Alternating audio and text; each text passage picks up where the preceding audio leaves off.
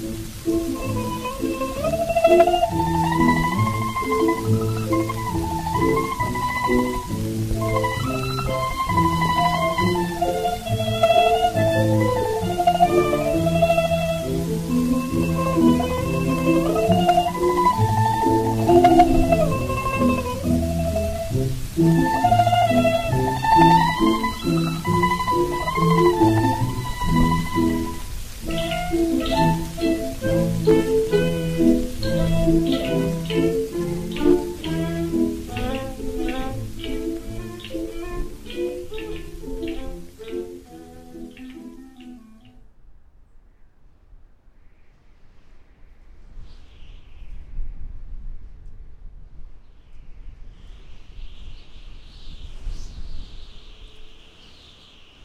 Tsuki ya aranu haru ya mukashi no haru naranu.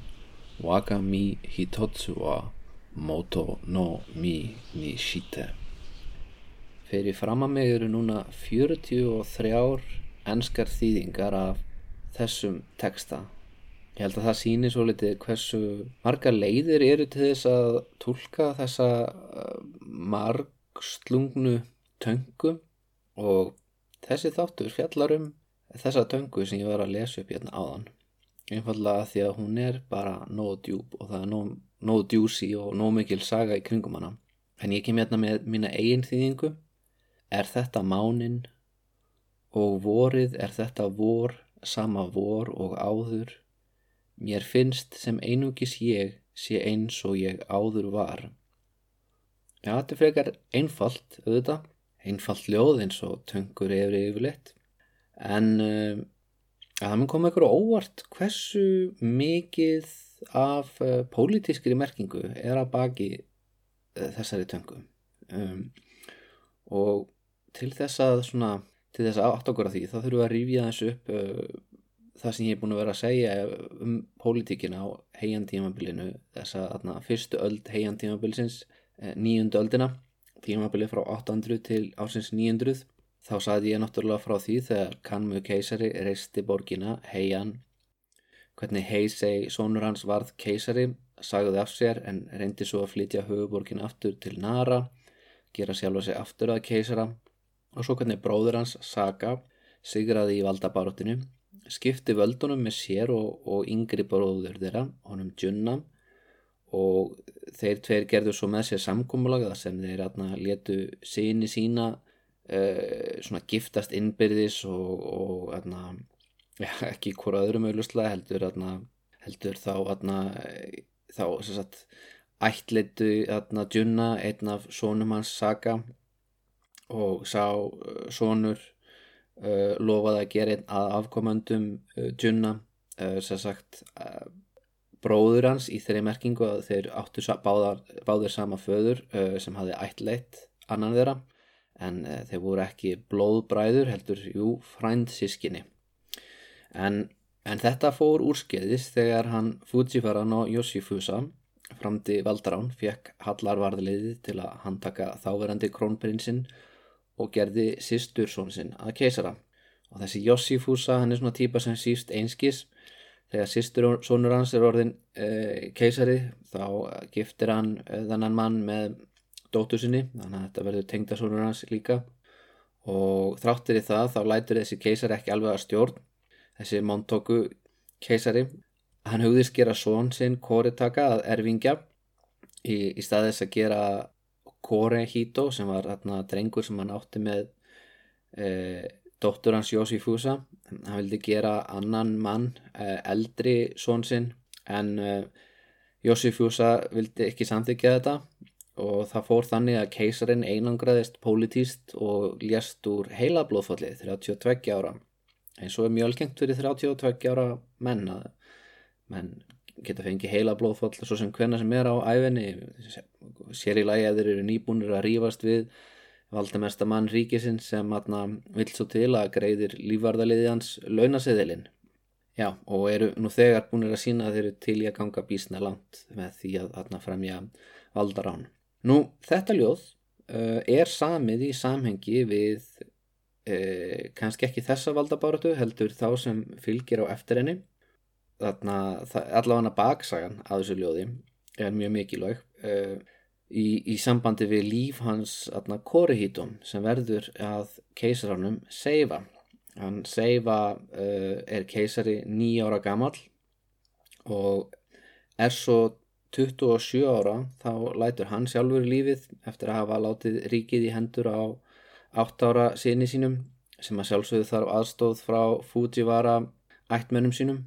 Uh, þetta er svolítið svona uh, Þetta er svolítið svona skemmtilegt en þessi drengur sem tekur við á hann um Seifa uh, hann er þessi Jósei sem ég saði frá því síðasta þetta maðurinn sem fóðraði snáka með froskum, skipaði þjónum að klifra upp í tre og let lífarða sitt, lið sitt svo stinga það og landi meðal annars þjóna sína til bana þjóna sem voru að mínamótu ætt þess að uh, náskildir keisarættinni sjálfuri og þetta er alveg nokkuð uh, góður ferill fyrir dreng sem ekki eins og hefur náð 17 ára aldri. Að merkilegt að hann tegist að afrega það með þessi að taka glæpamenn af lífi. Uh, þetta er svo ykt hvernig hann, hvernig hann uh, Jósei er látin lít út í sögubókunum að maður eiginlega trúir því ekki alveg 100% verði að játa en allan af einhverjum ástæðum þá fannst Fujivarættinni ekki hann Jósei henda lengur sem keisari Lét hann segja af sér þegar drengurinn var 17 ára og fóru svo að fundu um annan mann sem var ekki skildur þeim. Ekki þess að sagt að átti ekki móður og Fujiwara ættinni eða eitthvað svo leiðis en uh, var gammal maður og, og til í að þarna, leifa, leifa Fujiwara ráþörunum sínum að sjá um rekstur ríkisins að þess að hann var eitthvað að skipta sér af.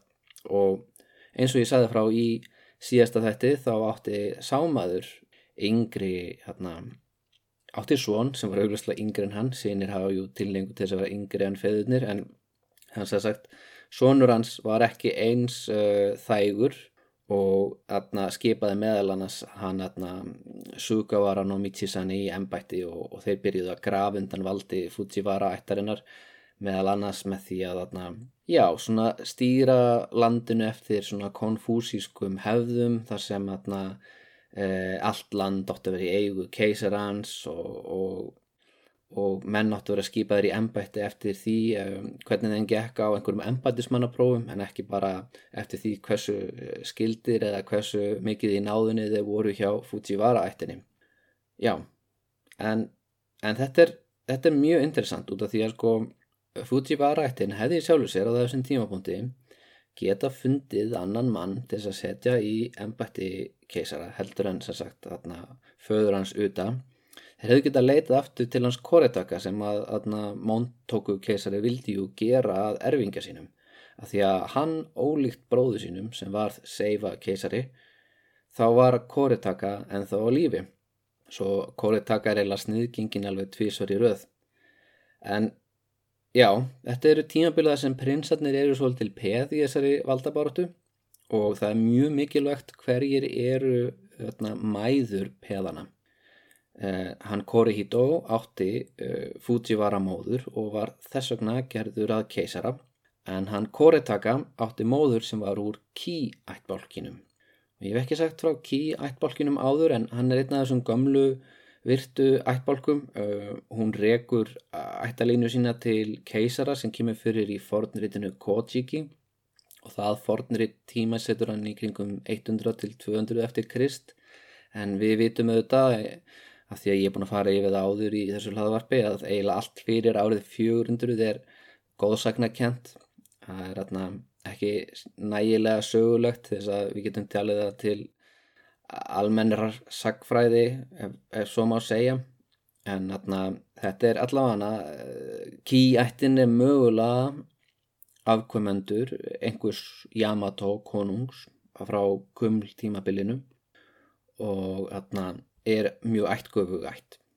En vandin er hins að sá að kýættin er ekki neittnin stöðu til að sigra Fujiwara ættina í þessu, þessari valdabaratu sem er í gangi þarna því að Þeir eiga ekki jafn mikið af eh, landi og ekki jafn mikið af hermönum og er ekki með, og kannski það er jafnvel enn mikilvæg í þessu samingi, er ekki með embættismenn út um allt. En er einhver síður eh, fullt af meðlumum mennar eru við hyrðina og gegna ýmsum hlutverkum þar.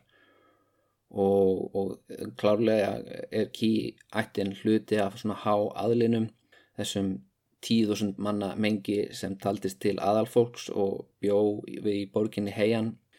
Já, brota brot í sjálfur sér af íbúum Japans á þessum tíma. Það er á þessum tímapunkti 6 miljón manns sem búa í landinu og 100.000 í eh, Heian.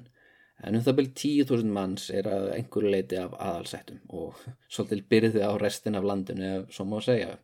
Já, þetta fólk er náttúrulega ekki að elda matin sitt sjálft eða já, ekki einu sinni aflans eða þannig þau eru að semja ljóð og, og horfa á dansa og, og fara með helgiatafnir og svona.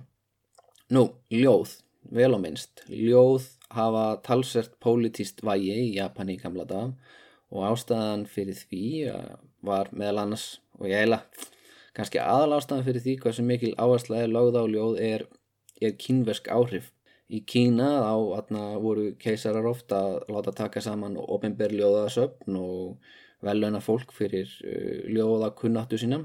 Og á embætismannaprófunum í Kína þá atna, uh, skipti þetta miklu máli hvernig þú tólkaðir svona gamla texta og svona. Það að kunna lesa eh, rétt og semja gott ljóð, svona gáulegt ljóð, það þarna gæt uh, eh, tryggt þér við réttar aðstæður. Já, það var ekkit alltaf þannig í alla sögu Kína en til dæmis á Tang tímabilinu og höfum í huga að þarna heian er byggð nákvæmlega eins og höfuborg uh, Kína á, á, tímabili Tang keisarana Eh, það, það, er, það er verið að reyna líki eftir uh, veldinu á meilandinu og keisarin vill vera jafn, svona, jafn viðukendur og voldugur og keisarin í Kína. Og þess vegna reyna menn eins og uta til dæmis að skipa embætismenn eftir uh, niðurstuðum úr prófum en ekki eftir því hvort að þeir séu meðlumir í Fujiwara-ættinni.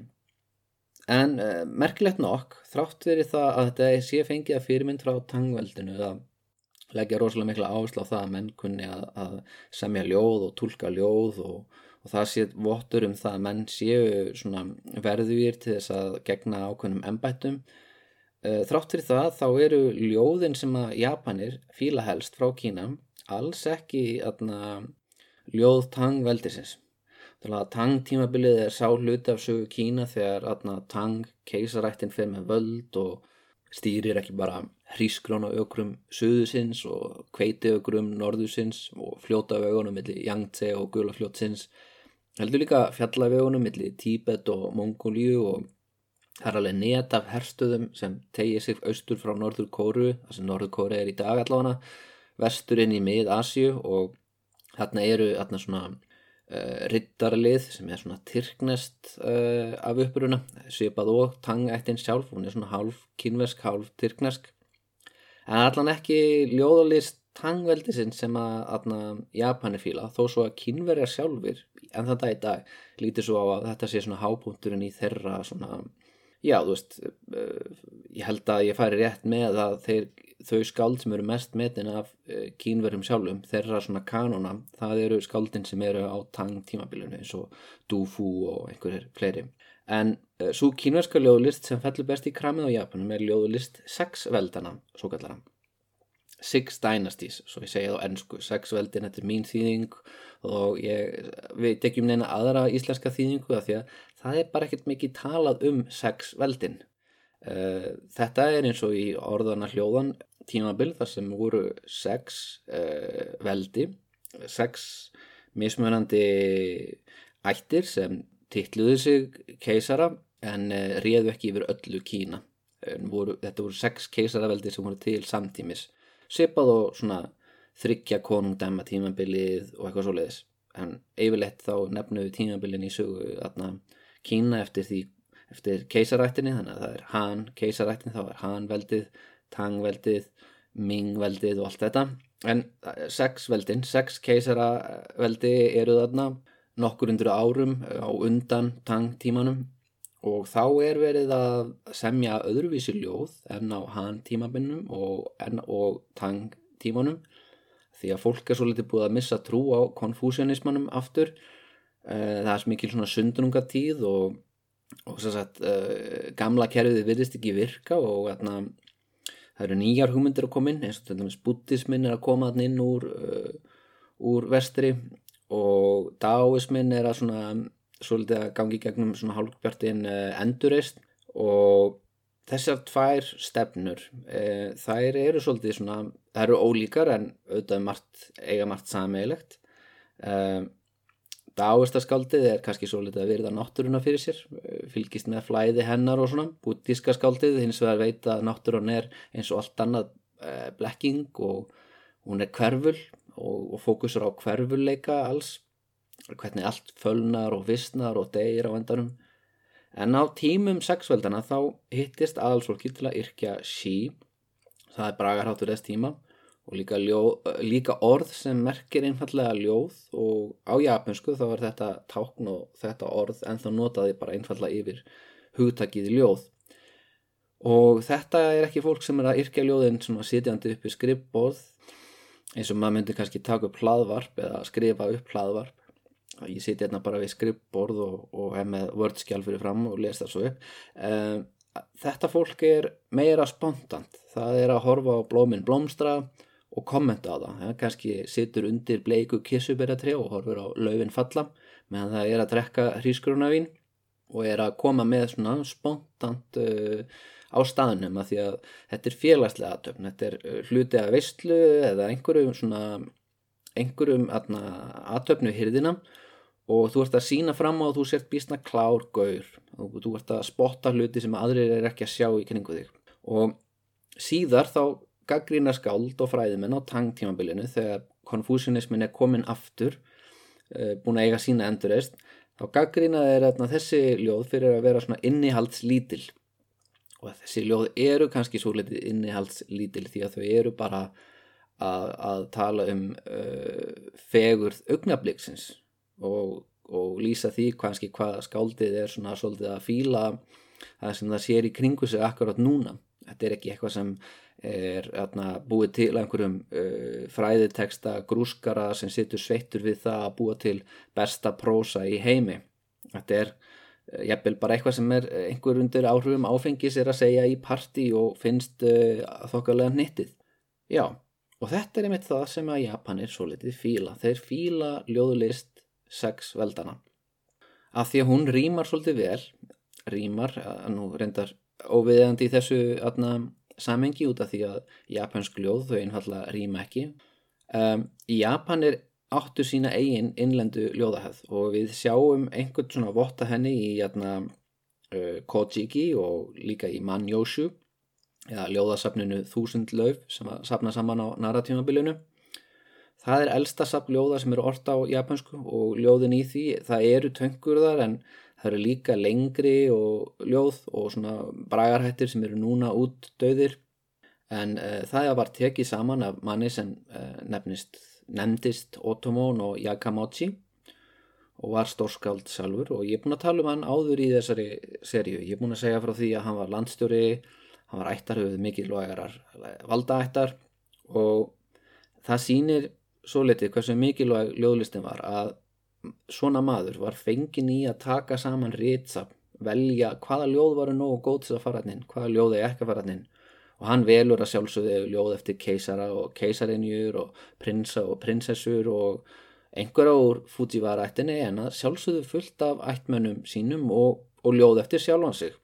Fullt af fólki með Otomo nafnið sem næri inn í mann Jósju og næri kannski ekki inn í einhver önnuritt nú Já, þannig að það er svona, það er til merkis um það, þú ert með góð pólitísk tengsl, þú ert ekki bara gott skáld, heldur þú ert með góð tengsl ef þú nærið inn í svona sapn, en svo má spyrja sig, hvaða tilgangi þjónuðu ljóð eins og í valdatablinu á byrjun heian tímans? Ég verðum ekki að höra að tala um nara tímanbilið núna eða sexveldin. Eh, þegar Saga var keisari, þá var eiginlega engungu orrt á kínverskum í það minnst að voru öll ljóðin sem voru skrifið niður þau voru, voru orta á kínversku. Og þarna, það rýmar ágætla við það að öll stjórnsíslan var á kínversku og laugin voru skrifið á kínversku og öll mentun fór fram á kínversku og, og japanskar var kannski tungumáli sem að fólk notaði til að spjalla saman og þarna, almenningur talaði eitthvað svona. En það þótti vottur um það að þú værir já, þú veist dannaður maður að þú, þú slóst um þig með kynversku eins og ég er búin að nefna áður þá atna, er tilgangurinn í því að, atna, að gera hyrðina kynverskari líkari þeirri sem er á meginlandinu ekki bara svo að, að gera hana meira cool, auðvitað finnst Japunum Kína bísna cool á þessum tímafóndi en uh, Saga keisari hann er líka að reyna sína aðalsmennunum að hann geti valið fólk eftir hæfileikum svipað á keisarin í Kína. Og hann heldur þeim svolítið á tánum því að hann mm, byggði oft um að koma með ljóð á staðunum á kínversku sem er kannski hægara sagt en gert sko, ég menna uh, ég get ímynda mér að þessir aðalsmenn hafi verið misgóður í því kannski svo litið stressaðir en, en allir er að reyna að yrkja í anda Eh, ljóðlistar sexveldana og, og koma með ljóð eh, þar sem er verið að, að já, verða tunglið fyrir sér og segja eitthvað sniðugt um það. Kommenta eitthvað á kirsuberjatrén í, í umhverfinu, sérstaklega á vorin og svona. Og svo gætt verið að tilipnið sé hátíð sem er haldinn til heiðus konfúsiusar eða eitthvað svoleiðis. En allavega það getur gerst að ef þú ert í svona ráðgefarring keisarans að hann líti einhver daginn á þig og segi já hér er þetta, hvað finnst þér um þetta? Þetta er eitthvað ljóðrænt í hug. Og já en svo breytist tóltið eh, árið 1842 það er þá sem hann Fujivaran og Yoshifusa fremur valdar hann sitt. Hann, hann tekur uh, þá er þetta krónbrins með hallarvarliðinum. Hann gerir öðna, sýstursson sinna krónprinsi og giftir hann dóttur sinni. Og um leið og Montoku er orðin keisari og Fujiwara ættin yfirtekur ennbættin og fer að ráða því hverju séu skipaðir í hvaða stöður þá hættir það að skipta máli hversu mikla þekkingu þú hefur á kínverskum fræðum. Er ekki þar með sagt að svo þekking sé alveg uh, virðislaus, Fujiwara ættin leggur auðvitað mikla áherslu á þetta sjálf þegar þau eru að, að alveg sína drengi og svo leiðis en en það er orðið samt, verður samt þannig að, að drengir fara að erfa ennbættin beint frá föðu sínum eða kannski giftast inn í stöðunar þegar kannski giftast dóttur einhvers sem á ekki svon og erfa uh, stöðuna frá þeim manni. Uh, þessar stöður velta alls ekki lengur á hæfileikum. Að, en þetta er meira þetta umbreytingatímabil er meira en bara svona umbreytinga hvernig stjórnsíslan fer fram því að hér er menning ríkisins að breytast líka. Að í staðis allir yrki á kynversku eins og Saka keisari laði miklu áslá þá byrja fleiri að nota japanskuna og það er líka komið ný leið til að skrifa á japansku þetta er komið svo kallar kana eða hljóðleitur sem að munkar og nunnur í klaustrum eru búin að hanna.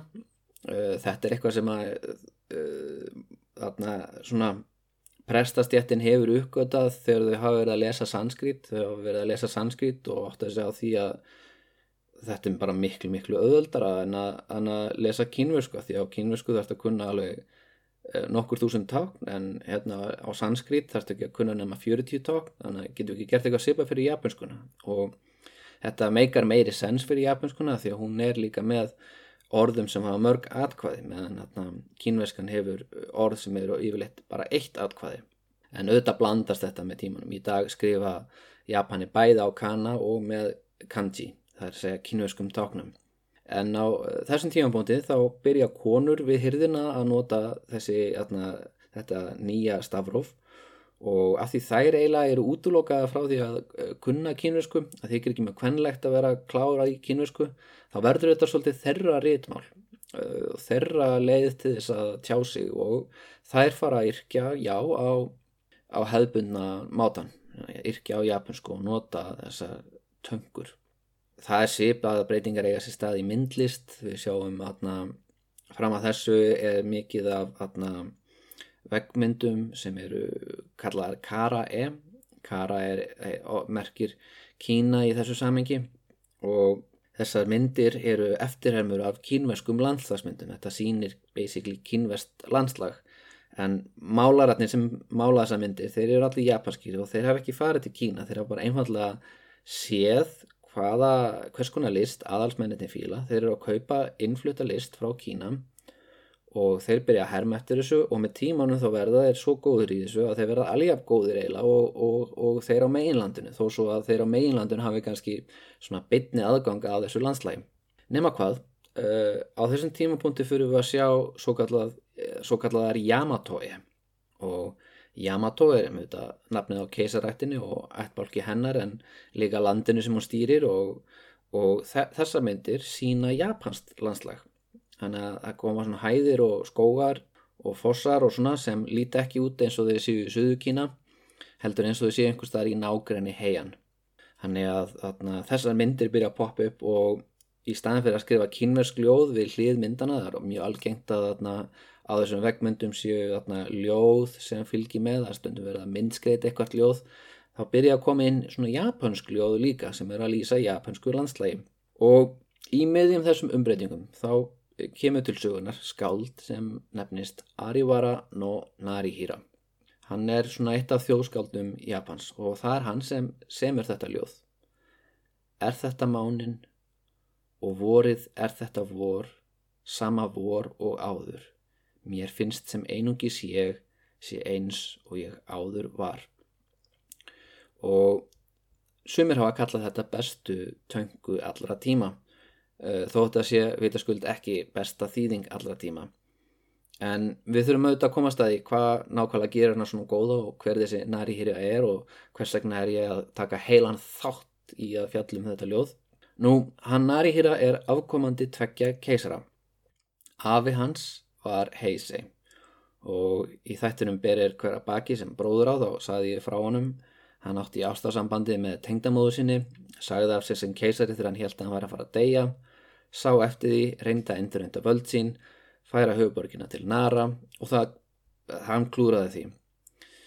Nú, sonur hans heisei stóð skiljanlega með föðu sínum og rökklaðist svo í útleið og þessi sonur sem nefndist Abo, hann Abo hefði hugsalega gett orðið krónprins ef að þetta hefði ekki farið svona illa fyrir honum heisei, en hann var allavega 17 ára þegar fadur hans sagði af sér og 18 ára þegar hún var sendur í útleið til Kyushu og á samt eigin konu sinni eiginkonu sinni og föðursistur, henni Ító.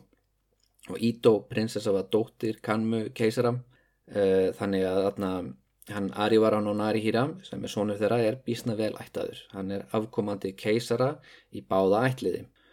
En allavega, Abo er gemdur þarna í Kyushu í borginni Daisafu sem hann veriðist hafa verið svona fanganýlenda fyrir háa aðalsfólk. Að minnstu kosti þá endaðan Michisanið þarna líka, hundra uh, árum síðar eða svo. En ólíkt Midjasanem þá fekk Abo að snúa aftur til höfuborgarinnar uh, ekki fyrir en fadur hans var látin uh, að þá verðist Saka keisari hafa litið svo á að, að, að sonur bróðu síns var ekki lengur ógn. Það er að segja fram að þessu þá er heisi erðarna lokaður af í einhverju klustri og Saka er að stýra ríkinum en hann þorir ekki að leipa neinum uh, ættingum aftur til heian sem að þarna gætu stutt hann heisei svo hann heldur öllum í svona gíslingu. Þá hann til heisei er döður og þá segir hann við Abo já ok, kottu aftur heim. Þú, þú þarf ekki að eða restina æfiðin í þessu krummaskuði þannig að hann Abo kemur er við hýrdina og þá fæðist hann Arivara og Nari Hira. Og það ná að reynda reitt bróður hann er marga bræður en af bræðurum hans er frækt skáld líka hann er hann Arivara og Yuki Hira. Og þeir eiga báðir þokkarlegan embætisframa, sérilega í Yukihira Narihira er ekki með það góðan embætisframa, það skýrist kannski að því að hann er yngri bróðir. En þeir eru hefnir því að Abo hann veðjar á réttin hest í næsta valdatabli. Það er að segja að þegar Fujivarættin fremur valdaránuð 1842 þá er Abo líkil vittni hann eh, heldur því fram að að sitjandi krónprins hann Tsunisata sé að plana valdarán og þessi vittnesburður hjálpar honum Jósifusa að tryggja sýstu sinni sínum keisaræmbætið þannig að þeir eru í Fujivarættin er í svolítið þakkaskuld við hann Abo og, og fyrir vikið þá atna, fær hann að stopna nýja aðalsætt. Uh, sínir hans fá að heita Arivara. Arivara no eitthvað.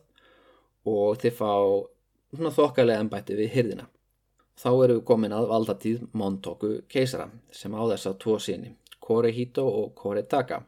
Og Koretaka hann fær ekki erfaríkið þó hann sé eldri en hann Korihito en hann er einhvað síður keisararlegu prins og hann er með fylgdalið og einna meðlimunum í þessu fylgdaliði það er hann Arivaran og Narihira. Og þessi tveir menn eiga kannski mjög margt sammeilegt í sjálfur sér þar að segja að þeir eru báður af ættalínu sem gæti allt eins átt tilkall til keisara embættisins í raun og veru hefði, þú veist, Heisi var elsti, sonur hans gammu og Abo var elsti sonur hans Heisei og þó svo að Nari Hira sé ekki elsti sonur hans uh, Abo þá, þú veist hann er samt í raun og veru gæti alveg haldið því fram að hann væri alveg allt eins uh, réttmætur erfingi krúnunar eins og þessi Montoku. Uh, og Koretaka augljóslega er mjög enn betri rauk því að hann er eldri bróður hann að Eh, krónprinsins, það er annar maður gerður á krónprins og hann þarf einhvern veginn að, að lifa við það að, að nýjára drengur uh, setjist í hásætið þegar fadir þeirra deyr og, og það eru örgulega allskynst tilfinningar þarna en móðir Koritega var kona af kýættinni og það er ástæðan fyrir því hann fekk ekki að erfa.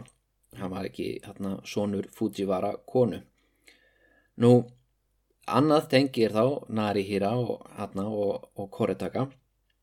Uh, Narihira er giftur inn í ættina. Hann giftur dóttur Kino Aritsune. Og það er leðilegt að geta ekki nefnt hann á nafn. Það er mjög algeng örlög fyrir konur á þessum tíma að, að karfa svona baku kallana því að í sögubókum þá er nafn eigin konu hans Narihira einfallega dóttir Kino Aritsune en við vitum sem sagt að hún er frænga uh, hans Koritaka, hún er frænga prinsins sem var sniðgengin. Og nú ætlum ég ekki að fjallum að næri hér að sérstaklega sem pólitíkus því hann var ekkert merkjulug pólitíkus, hann var hyrðhaldsmeistari og var að landstjóri og, og það er fyrst og fremst sem skáld sem hans er minnst. En í bókinni Sandai Jitsuroku sem er svona eiginlega yfirlit yfir embættis frama allskins manna og svona saga hyrðarinnar og saga Japans uh, þá er öðna kemur lýsing á honum þá er næri hér að lá, látin en, en uh, þetta er svona næstuði samtíma heimild og þetta er svolítið óvennilega lýsing á svona fyrrum hyrðhaldsmeistara uh, það stendur skrifað hann var fáaður og fagur en hann gerði það sem honum síndist sama hvað Það er að segja á þessari hérna, svona kín japansku sem þetta er skrifað á þá, þá stendur Taibo Kanrei Hoju Kakarawa fyrir ekki þeim Taibo Kanrei Hoju Kakawarasu Hoju í merkingunni eftirlátt samir gagvart sjálfum sér Kakawarasu þrátt fyrir. Hér er verið svona að reyna að summera upp uh, æfi og frama embættismanns en er verið að mæna embætismanna störfsamt út af því að sko hann var eftirlátt samir gagvart sjálfur sér sama hvað gekk á var hann að hunsa fyrirmæli yfirmanna e, eða þú veist er verið frekar að vísi svona hvernig hann var persónulega hann hafi verið óhóflegur í kannski drikku eða framkomu. Þetta er eitthvað sem við vitum ekki en síðar þá fáum við svona e, ímynd á honum næri hér sem hálgjörum svallara. Svona Casanova síns tíma, elsku ég ótal kvenna og, og maður sem gerði það sem að síndist í ástarlífinu. En sumi fræðimenn er að halda því að vísu fram að í þarna sé við að meina ljóðlistina hjá honum að því að sko ólíkt sumum bræður hans sem náðu lengra og meiri framam þá hafi Nari hér að þróskast við að semja ljóða á japansku hann hafi vel ekkert skrifan eitt á kínvesku ólíkt uh, öðrum af Ariwara ætt.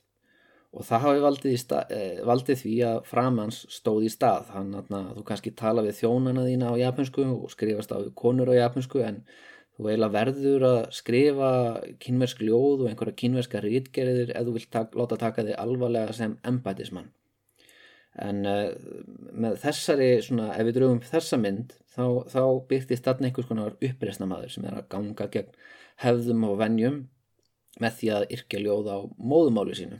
Hann er að gera það sem konurnar eru eiginlega að gera frekar. Nú hvernig eru þessi japansku ljóð? Uh, það eru tvö orð notuð yfir þau, ég er búin að vera að tala um töngur og ég er búin að tanka.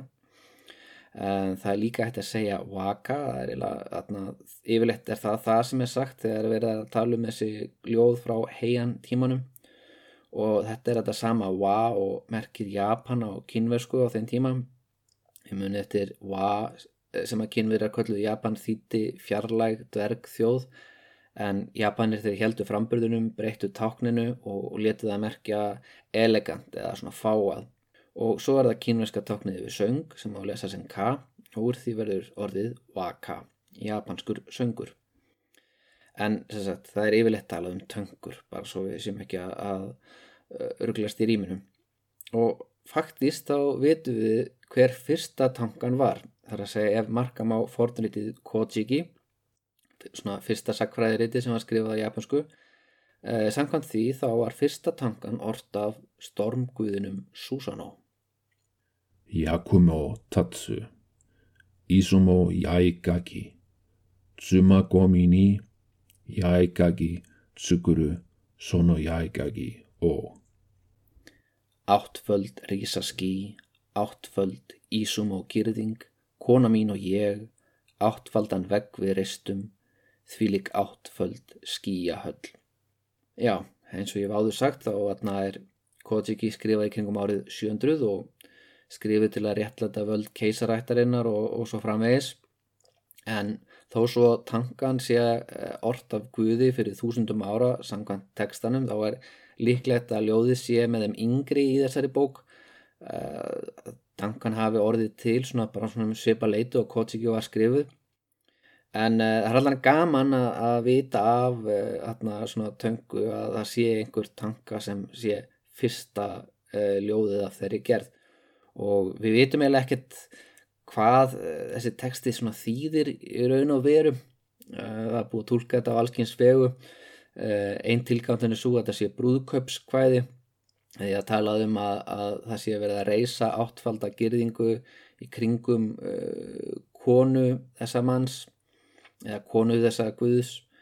Uh, það er líka verið að, að, að tala um að reysa uh, veggi og gerðingar og, og þess vegna vilja sem við meina að þetta hafi verið einhvers svona uh, vinnusöngur. Hafi verið þarna verkamenn hafi sungið þetta við vinnu sína. Þannig að þetta er allavega gömulhæð hvernig svo sem við lítum á þetta. Og töngur eru þarna Emitt, svolítið svona tækifæris hvaðskapur á þessum tímabóndi. Þetta er eitthvað sem er hent fram á einhverju augnabliki sem á við um þetta augnablík. Það er ekki, þú sest ekki niður með bunga af uh, pappir og með penna og, og reynir að, að skrifa töngu. Þetta er meira svona þannig að þú ert, uh, já þú ert, það er eitthvað tilefni. Þetta er að svara einhverju, einhverju tilfinningu hjá þér og þú ert jafnvel að, að hveðast á einhvern og ekkert svo ólíkt í hvernig íslenskur hvaðskapur eh, virkaði í gamla dag eins og við konnumstöld við ferskettlur til dæmis. Ef ég segi ferskettlan er frónbúans fyrsta batna glingur þá, um, þá vitum við hvernig þetta virkar. Þar að segja við vitum að rým og stuðlar og höfustæðir og við vitum að til að botna þetta þá þurfum við bara að fara eftir reglunum en, en þá getum við í rauninu botnað og sagt En stuðlari eru stóðimanns og stöðugt rýmið syngur. Ferskjallan er frómbúans fyrsta batna glingur en stuðlari eru stóðimanns og stöðugt rýmið syngur. Nefna þetta eru ekki botnin í þessari frægu ferskjallu. Ferskjallan er frómbúans fyrsta batna glingur en verður setn í höndum hans hvers sem bissu stingur. Það er, það er uh, já, eins og þessi ferskjalla á að, á að hljóma en eins og þið herðu þá getur maður botna þetta uh, þannig sem, hvernig sem er ef maður fylgir reglunum. Og þannig getur maður leikið sem þessar töngur fyrri partur af töngu eru þrjár línur yfirleitt í svona þýðingum. Þetta var náttúrulega á japansku allt skrifað í einni línu en, en til þess að við náum að skilja þetta þá þarf við að stilla þessu upp svona. Það er að segja það er fyrri partur sem er fyrst með 5 atkvæði svo 7 atkvæði og svo 5 atkvæði. Og ef maður lætur þessi 5-7-5 atkvæði standa einn og sér þá er um hæku að ræða sem er, e, kemur síðar. Þetta eru skildir bragarhættir. En tökum hérna sem dæmi. Aki no no ni. Hitomatsu mushi no. Koe sunari. Þetta gæti verið hæka. Þetta gæti líka verið fyrirpartur af töngu. Og það er meira að sjálfsög þetta er ekki alveg svo einfalt því að annars var þetta fárulega auðvelt. Það er ekkit verið að rýma í japansku út af því að e, það er ekki nema fimm sérhljóðar. Það er sett A, I, E og U og ef þú ert bara með fimm e, sérhljóða þá eru 20% líkur á því að þú rýmir í hvert sinn sem að þú segir tvær setningar. Þannig að það er alltaf auðvelt að rýma. Það er eiginlega, það er eiginlega verður eiginlega fárálegt sko. Þannig að þannig að hvað gerur þau til þess að gera uh, svona ljóð að einhverju áskoran nú, þú laumar inn reglum eins og til dæmis að, að kalla á það að ljóði sé tólkalegt á marga vegum til dæmis með því að nota kake kotoba kotoba merkir orð kake breyting og þess að tala um breyti orð en ef þið viljið googla þetta þá eh, myndi ég bara slá upp pivot orði P-I-V-O-T. Þá getið þið fundið útskýringar á þessu á ennskum en það er sem sagt uh, einhver hefur hendt fram þessu ljóði. Aki no no ni Hito matsu mushino koe su nari. Og þarna inni er breyti orðið matsu. Það er að segja uh, matsu hefur tvær merkingar. Það, það er að býða og svo getur það mert fura það er að segja tríð fura. Þannig að ef ég þýð þetta bara mjög hrátt og beint yfir á íslensku þá, þá, er, þá er skaldið að segja út á agri um mitt haust heyri ég röddina í skordýri á furu tré. Eða skaldið gæti verið að segja út á agri um mitt haust er skordýr að býða eftir manni og syngja. Þannig að þetta er aðna svolítið interessant pæling sko. Aðna það er í Japan er mikið af svona söngtifum á, á vissum tímapunktum uh, síðsumar til dæmis. Þá getur maður heyrt í söngtifum út um allt. Og þau eru gætnan utan á furutrjám að syngja. Þannig að það gæti meiri sé að verið að uh, þarna sé þarna, ekki bara skordýr sem sé á fyrir tre, heldur gæti þetta skordýr verið á fyrir tre að býða eftir manni og að syngja fyrir hann. Og síðan kemur setni partur Varekato Yukite Isato Burahan. Skildun vera að býða eftir mér þessi bjalla, ég ætla að aðtuga þannig að já, þarna er verið að þarna, búa til e, búa til einhver ákveðna svona mynd sem hefur í sér tvo möguleika. Og, og ég menna að það geti allskis hlutir gerst í, í setnipartinum en aðna greinilega þá er ákveður skaldið eða hver svo sem botnar þetta að, að, að svona uh, koma með eitthvað aksjón inn í þetta. Og veist, skildun vera að býða eftir mér? Til að tjekka. Þannig að já Við vitum ekki hver samtið þetta ljóð en það byrtist í bókinni Kokin Wakashu sem er hérna mjög mikilvægt, eiginlega eitt mikilvægast af svona ljóðasafni sem hefur verið samið í sögu Japans. Og í e, því ljóðasafni þá er ljóð til dæmis eftir hann Harivarano Narihira sem er orrt þegar hann og Koretaka, prinsinn Koretaka eru saman á veiðum. Þá eru þeir búinir að sitja út í tungsljósi og drekka saman um kvöldið. Það er svona kannski fyllir í hjá þeim, ég veit það ekki. Eh, ég er svolítið að lesa í aðstæður en, en, en eh, sem sagt tilefnið er það að prinsinn eh, lýsið yfir að, hann ætla að fara í háttin þá segir Nari Hiram Aka nuku ni Mata kimo tsugi no kakuru ruka Aldrei fæ ég nóg af þessari sín, mánin, felu sig og fljótt. Eh, þetta er ekki mín þýðing, Helgi Háldánarsson þýtti þennan fyrir part og ég held að því miður glatist eitthvað en, en það verður bara að hafa það. En aðna, akanu, sögnin aðna, er að vera óþreytandi eða aldrei fá nóg. Þannig að ef, maður, þarna, ef ég lefi mér að þetta aðeins öðruvísi þá myndi ég kannski segja aldrei fæ ég nóg, alveg svo hann helgi. Mánin felur sér svo fljótt, mig þyrstir ennþá. En hvort heldur sem er, þarna, e, hvernig sem maður myndi orða þetta, það, ég ætla bara að lesa þetta fyrir ykkur núna í heilsinni og nota þýðinguna selga. Um, Akanaku ni mata kimotsuki no kakuru ruka yama no wa nikete iretu mo aranumu. Aldrei fæ ég nóga þessari sín, mánin felur sig og fljótt, fjálsbrún viktuður undan sinjaðu mánunum skjóls. Þannig að mm, við getum skilir þetta þannig að Narihira sé að yrkjum hvað mánin er fallegur og hvað hann þykir leitt að hann sjáast ekki fyrir fjallinu og hann segir fjallinu að fara en uh, í þessu samengi er geta verið að segja við vinsinn hei, ekki fara að sofa strax nóttin er ung mér þykir, uh, eða, mér þykir leðilegt að þú sért að fara að sofa vilt ekki vera aðeins lengur?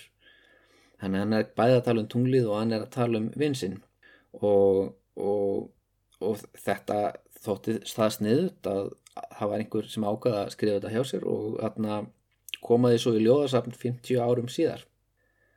En uh, Kokin Wakashu er uh, fyrsta ljóðasafni sem að, svona, er gefið út í keisarlegri útgáfu síðan Manjóshu kom út.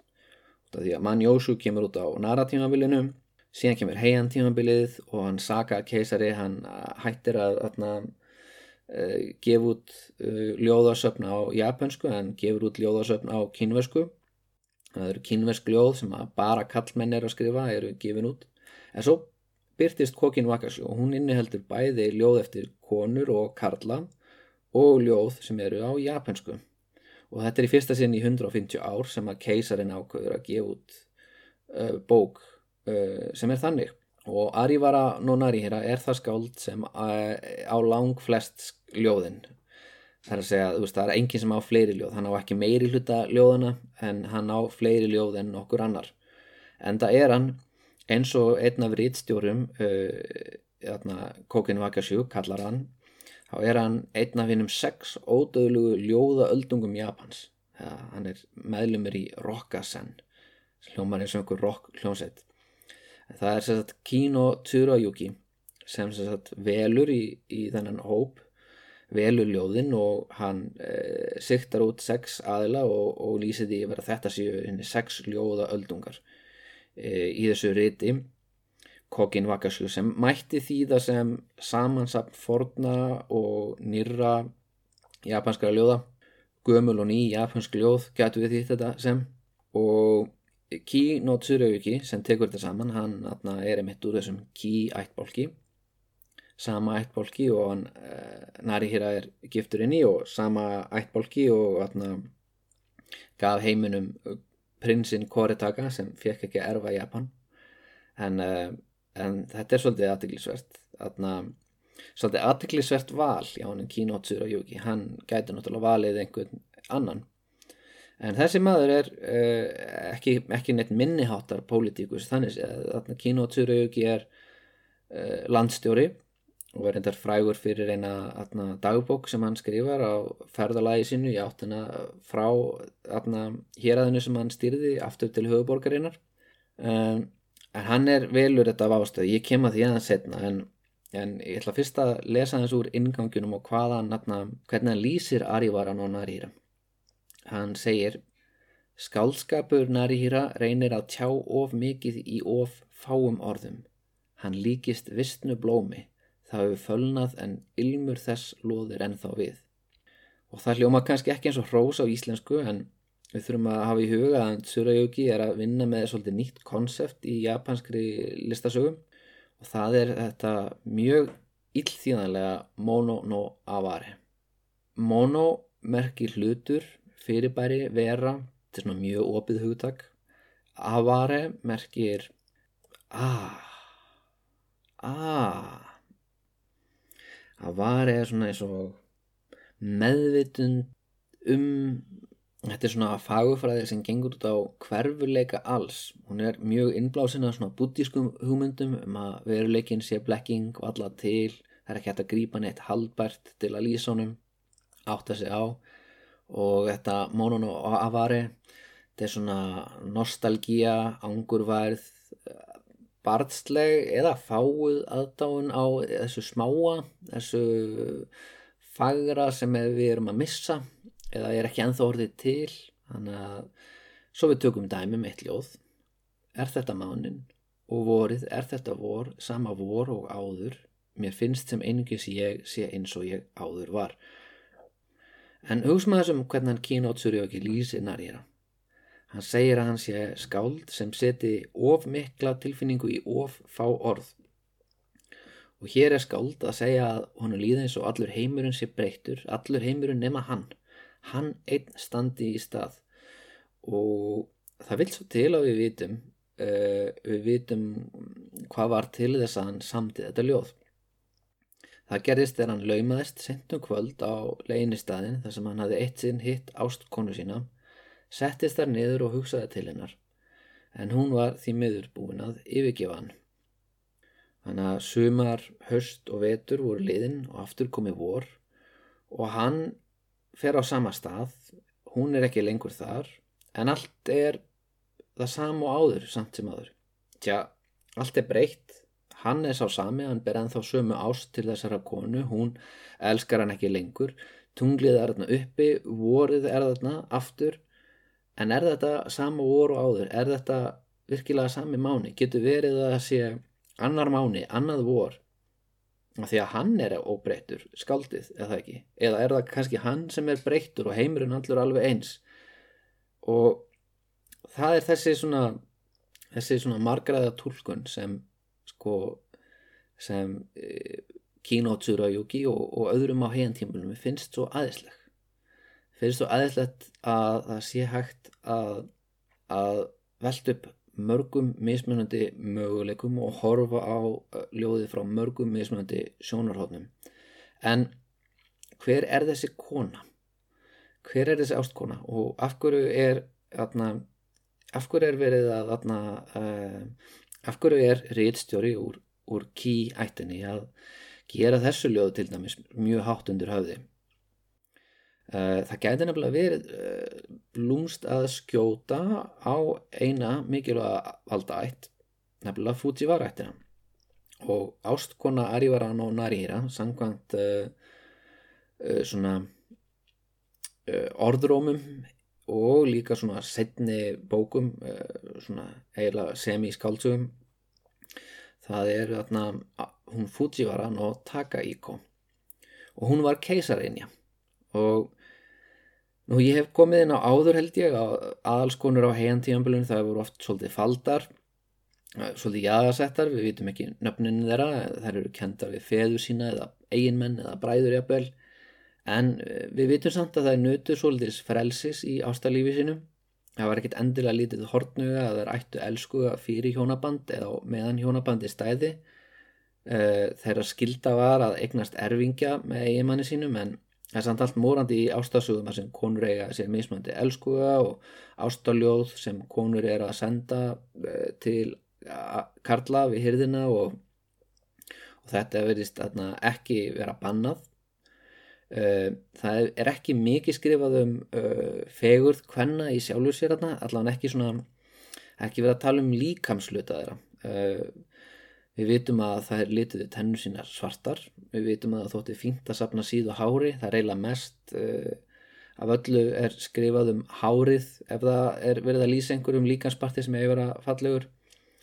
En það er meira gert úr klæðaburði ofta tíðum og svona hvort að þessi fallugum eða ljótum lítasamsetningum á ermum og líka hvort þar hafi góða rítönd eða einhverju svona skálkabar gáum. Og það skýrist svolítið að því uh, hversu faldar þær voru. Það er að segja þær voru oft uh, algjörlega aðskildar. Uh, kynin voru aðskilin og töluðist við í gegnum svona, já, pappírsveggi eða gardínur og, og, og með því að skiptast á brefum og svona og þarna kallmenn kannski laumuðist inn í herbergi hvenna seint á nóttunni og þá sáuðu saman og oft með samþyggi fjölskyldunar og það var eiginlega bara ef að kallin mætti þrjárnættur í rauð sem þau teldust hjón. Ef hann kemi bara tvænötur í röð þá mætti líta á þetta sem pröfukerslu og þótti ekkert endilega tiltökum mál og, og svo leiðis en þarna það var ekkert menn sáu ekki, karlar sáu ekki konur á ofinbjörnum vettvangi. Og þess vegna eru þarna, að skrifast á og að sjá kannski bút eh, að því að konurnar eru í svona marglaga silkíslappum ofta á tíðum og það sést kannski í ermina rétt handan við eh, veggin sem aðskilur þau. Það, þessi hlutir verða rosalega mikilvægir í tilhugalífinu. Nú að tilhugalífinu loknu þá flutti parið ekkert endilega saman. Uh, oft held konan áfram að búa hjá fjölskyldu sinni og kallin bara heimsóttana ef hann flutti ekki inn til hennar en auðvitað voru þeir ríkust líka í því að reysa sér setur fyrir hverja konu sem þeir áttu og svo framvegis. Allur gangur á þessu. En þó svo að þessar konur væru svolítið bundnar það eru faldar á bakutjöldin þá voru það líka pínluti frjálsað að geta skrifast á við eh, fólk út um allt. Það geta átt sér elskuga og svo, svo framalega sem að þetta fer allt svona svo framalega sem þetta er allt svona ekki beinlega sendilega leinilegt heldur svona undir yfirborðinu svona það er ekki verið alltaf að það er ekki verið að flagga því.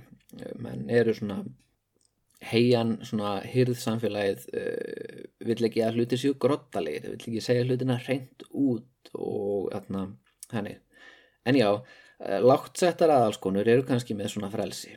En það er auðvitað svolítið annar handlegur þegar um er að ræða keisarinju og það er einmitt það. Uh, hún er keisarinja hvers. Hún er keisarinja hans Korehito uh, já, förum aftur yfir á tímaskeiðans Montoku en Montoku vildi að Koretaka er því gerðu krómprins fær því miður heila blóðfall Svo í staðin er það hann Korihito sem á Fujiwara móður. Hann er nýjóra gamal og á þeim tímumóti er hún Fujiwara no Takaiko 17 ára og við vitum að hún tók þátt í kríningaratöfnunni sem dansmei og það var eitt af fáum tilfellum á ævennar þar sem hún var ekki beinleis falin á bakvið tjöld. En sjö árum síðar var hún orðin hirðmei í þjónustu keisarhans, Njóko og þá var hún 25 ára og hann eh, að verða 16. Þreymur ánum síðar þá er hún 28 ára gömul, hann 19 ára og þeim búin að fæðast drengur sem síðar verður keisari og tekur upp nafnið Jósei.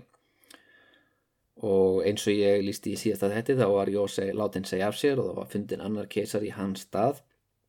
Og það leti á endanu til þess að hann utan náðu til valda og síðan sonur hans Daigo og það er Daigo sem að pantar kokin Wakashu, hann ræður Kino Tsuruyogi í það að skrifa þessa bók eða sapna ljóðunum og Kino Tsuruyogi er, mögulega líka eh, höfundur Ísei Monogatari sem er þaðan sem að við fáum þessa tólkun á, á ljóðinu eftir að Narira. Eh, þessa tólkun um það að hann sé að yrkja um uh, sambandslit sín og Fujiwara no Takaiko. Og þarna það er mitt úr þessu Isemonogatari sem við fáum þessa mynd á hennu sem halgjurum flagara. En af hverju er hann að skrifa svona? Af hverju er verið að gefa í skín að Narihira hafi átt í leinilegu ástasambandi með keisarinju? Eh, jú að kannski gerir hann Narihira svolítið töf en það gerir líka svolítið annað út af því að þú veist, þarna er uh, Nari hér á svona lífsreindur maður uh, elskuði og, og svona fallegur gæi flottur og þarna keisarinn er ungur drengur og það er kannski skiljalegt að 25 ára kona líti uh, lífsreindari og, og, og þarna fallegri mann hreint útsagt uh, hún, hún þarna síni honum meira áhuga en, en eiginmanni sínum. Og það er rauninni það sem hefur verið að gefa skín það hefur verið að gefa skín að hann Jósei sé sonur hans Narihira og þegar Daigo kemst til valda þarna 905 eh, er þessi bók skrifuð og hann kemst til valda ef ég maður rétt 901 eða 903 ártalið skiptir ekki öllu máli. En á þeim tímapunkti þá er hann Jósei enþá við hyrðina búið hann að segja af sér og það eru tveir aðrir keisarar búin að komast til valda síðan þá.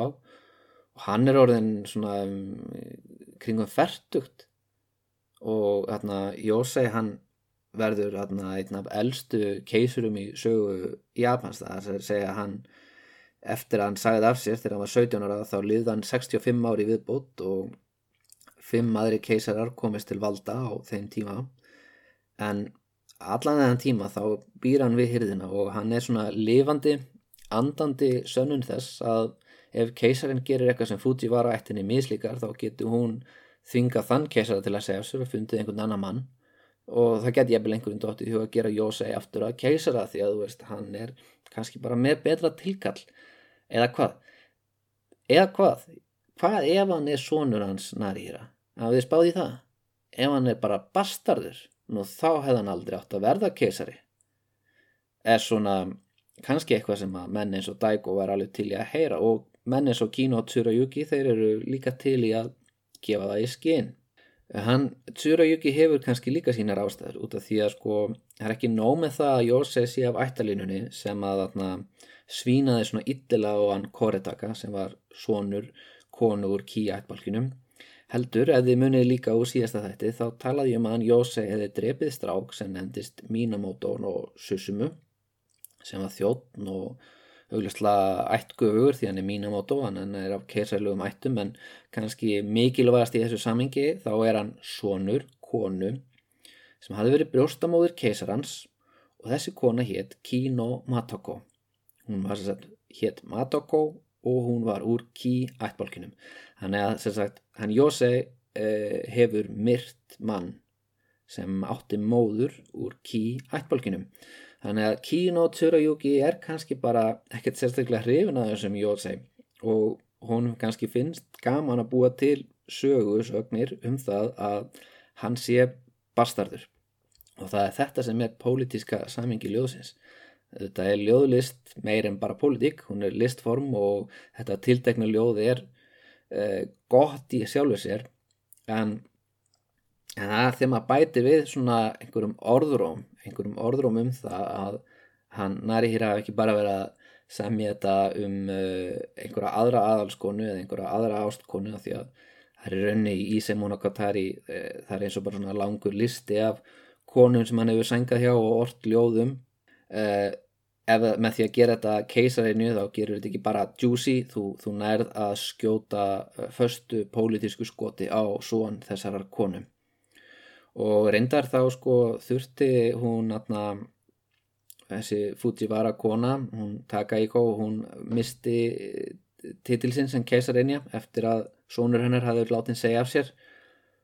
Og hún var ásaukuð um að hafa sofið hjá atna, presti við eitthvað ákveði hóf uh, gefið í skín að Jósef var í svonur þessamanns þannig að það er greinlegt verið að vinna því með öllum mögunum leiðum til að grafa úr lögmæti hans Jósef bara ekki nóg með það að Jósef hafi verið algjörlega geðbilaður og hræðilugur og, og mistyrnt fullt af fólki og svoleiðis. Hann er líka bara ekki raunverulega af keisaralegum ættum.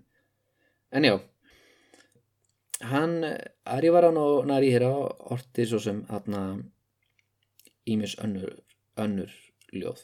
Og þetta með þarna, tunglið og, og vorið það er algjört mónun og afari algjört svona hverfuleiki. Svona vissnað blóm sem þóða fölni þá loðir ilmurinn ennþá við. Hér er annað ljóð eftir hann sem svona kannski má segja að það sé orðum hyrð þar sem atna, maður veit ekki hvað er satt og hvað er logið því að það eru all, alls konar orðrómar á vappi og kannski er þetta með einhvern svona bútískan sannleika ég lefi ykkur að dæmi um það. Kaki kurasu kokoro no yami ni mato hini ki utsutsu towa yo hito satame yo. Í myrkri hjartans dvelja skuggar sem ruggla sannleika og draum. Og hvað er sannleikur, hvað draumur? Ég lætt aðra um þá ákvörðun. Og Narihira, þetta er maður sem þrætti hálabrautu hýrði lífsins, hann fór sínar eigin leiðir, hann gerði eins og hann síndist og hann orti ljóða japansku og fyrir vikið þá vitu við hver hann var en kannski ekki hver ég er hinnir hirmenninni sem voru með honum á, í svipuðum stöðum en ortu bara á kínvösku um, auðvitað er hæpið að hann hafi kannski sofið hjá keisrenju og jafnvel enn hægnara það sem er líka haldið fram í Íse Monogatari það er haldið fram að atna, hann hafi sofið hjá uh, sýstur keisarans líka sem var atna, uh, prestur við Ísehof. Uh, þetta, þessi staða við Ísehof sem er eitt mikilvægast á hofið í Sinto hún var einungis fyrir óspjallar megar þannig að hann þessi flagari hann fór á veiðar við Íse og svo svaf hann hjá konu við þetta hof. Og þarna einhver svona, þetta er svona hálgjör helgispjöll. Já hálgjör, þetta er algjör helgispjöll. En hann líka kemur sér í vandræði og sangkvæmt í sem hann okkar tæri þá endur hann í útlæð tímabundið og fer á smá uh, ferðalagum Japan og yrkir ljóð við allskynst tilefni. En uh, hann átti bróður eins og hann endáður, hann Yuki Hira og kannski smá útúrdóra nefnaða en, en uh, sá maður hann á líka aðna náði langt innan hyrðurinnar en var líka sendur í útleð á tímabili dvaldi á stað sem heitir Suma. Þar á hann hafa kynst teimur svona fiskikonum eða perluköfurum sem eruðu ástfangnar á honum og um það er til nó-leikrit eh, sem nefnist Matsukase og er eitt frægasta nó-leikrit. Og þarna í því þá dansa sagt, uh, draugar sistrana, já það eru svo tveir nú leikarar sem tólka þessa drauga og, og, og atna, þau eru enþá atna, bundin við hann heim út af ástsinni á honum Yukihira. En við skulum láta þetta duð í bylu um Arivara ættina þessa, atna, þessa frægu elskuga og frægu skáld heian tímabilsins. Ég ætla að enda þetta á uh, síðasta ljóðinu sem hann í hér á orti. Þessi tanka var ort rétt fyrir döðan og þetta er þýðing Helga Háldánarssonar en ekki mín Ég vissi full vel að ég ætti einhver dag leið um þennan veg en aldrei dætt mér í hug að einhver dag er þið nú. Og í næsta þætti þá höldum við kannski áfram með uh, ljóðin og það komin tíma á að við gefum einhverju konu sviðsljósið þannig að ég ætla að reyna að skrifa um hana Onono Komachi og ég mun líka öruglega aðeins fjalla um hann Kino Tsurayuki og, og segja frá þarna fræri dagbók hans um, dagbók hans um, um ferðalagi frá Tosa til heian þar sem hann uh, er ekki kona en hann þykist vera kona. Og þarna, það verður þáttu sem verður fullur af ángur værið yfir hverfuleika fegurðarinnar og, og lífsins. En ef að ég næ ekki að klára hann í tæka tíð og þarna, nú er ég komin í fæðingarorlof og er með uh, bara nokkur að daga gamalt batn heimað nú þegar ég er að taka þetta upp það er ekkert vist að ég komist í að, að skrifa upp þennan þátt. Ef að ég næ ekki að klára það þá einhvað síður byrtist annar þáttur í, í næstu viku sem verður um fyrsta samúræjan. Þannig að hvíðið engum saga Japans heldur áfram. Með hljöfum kannski. Sjáum til. Takk fyrir hlustununa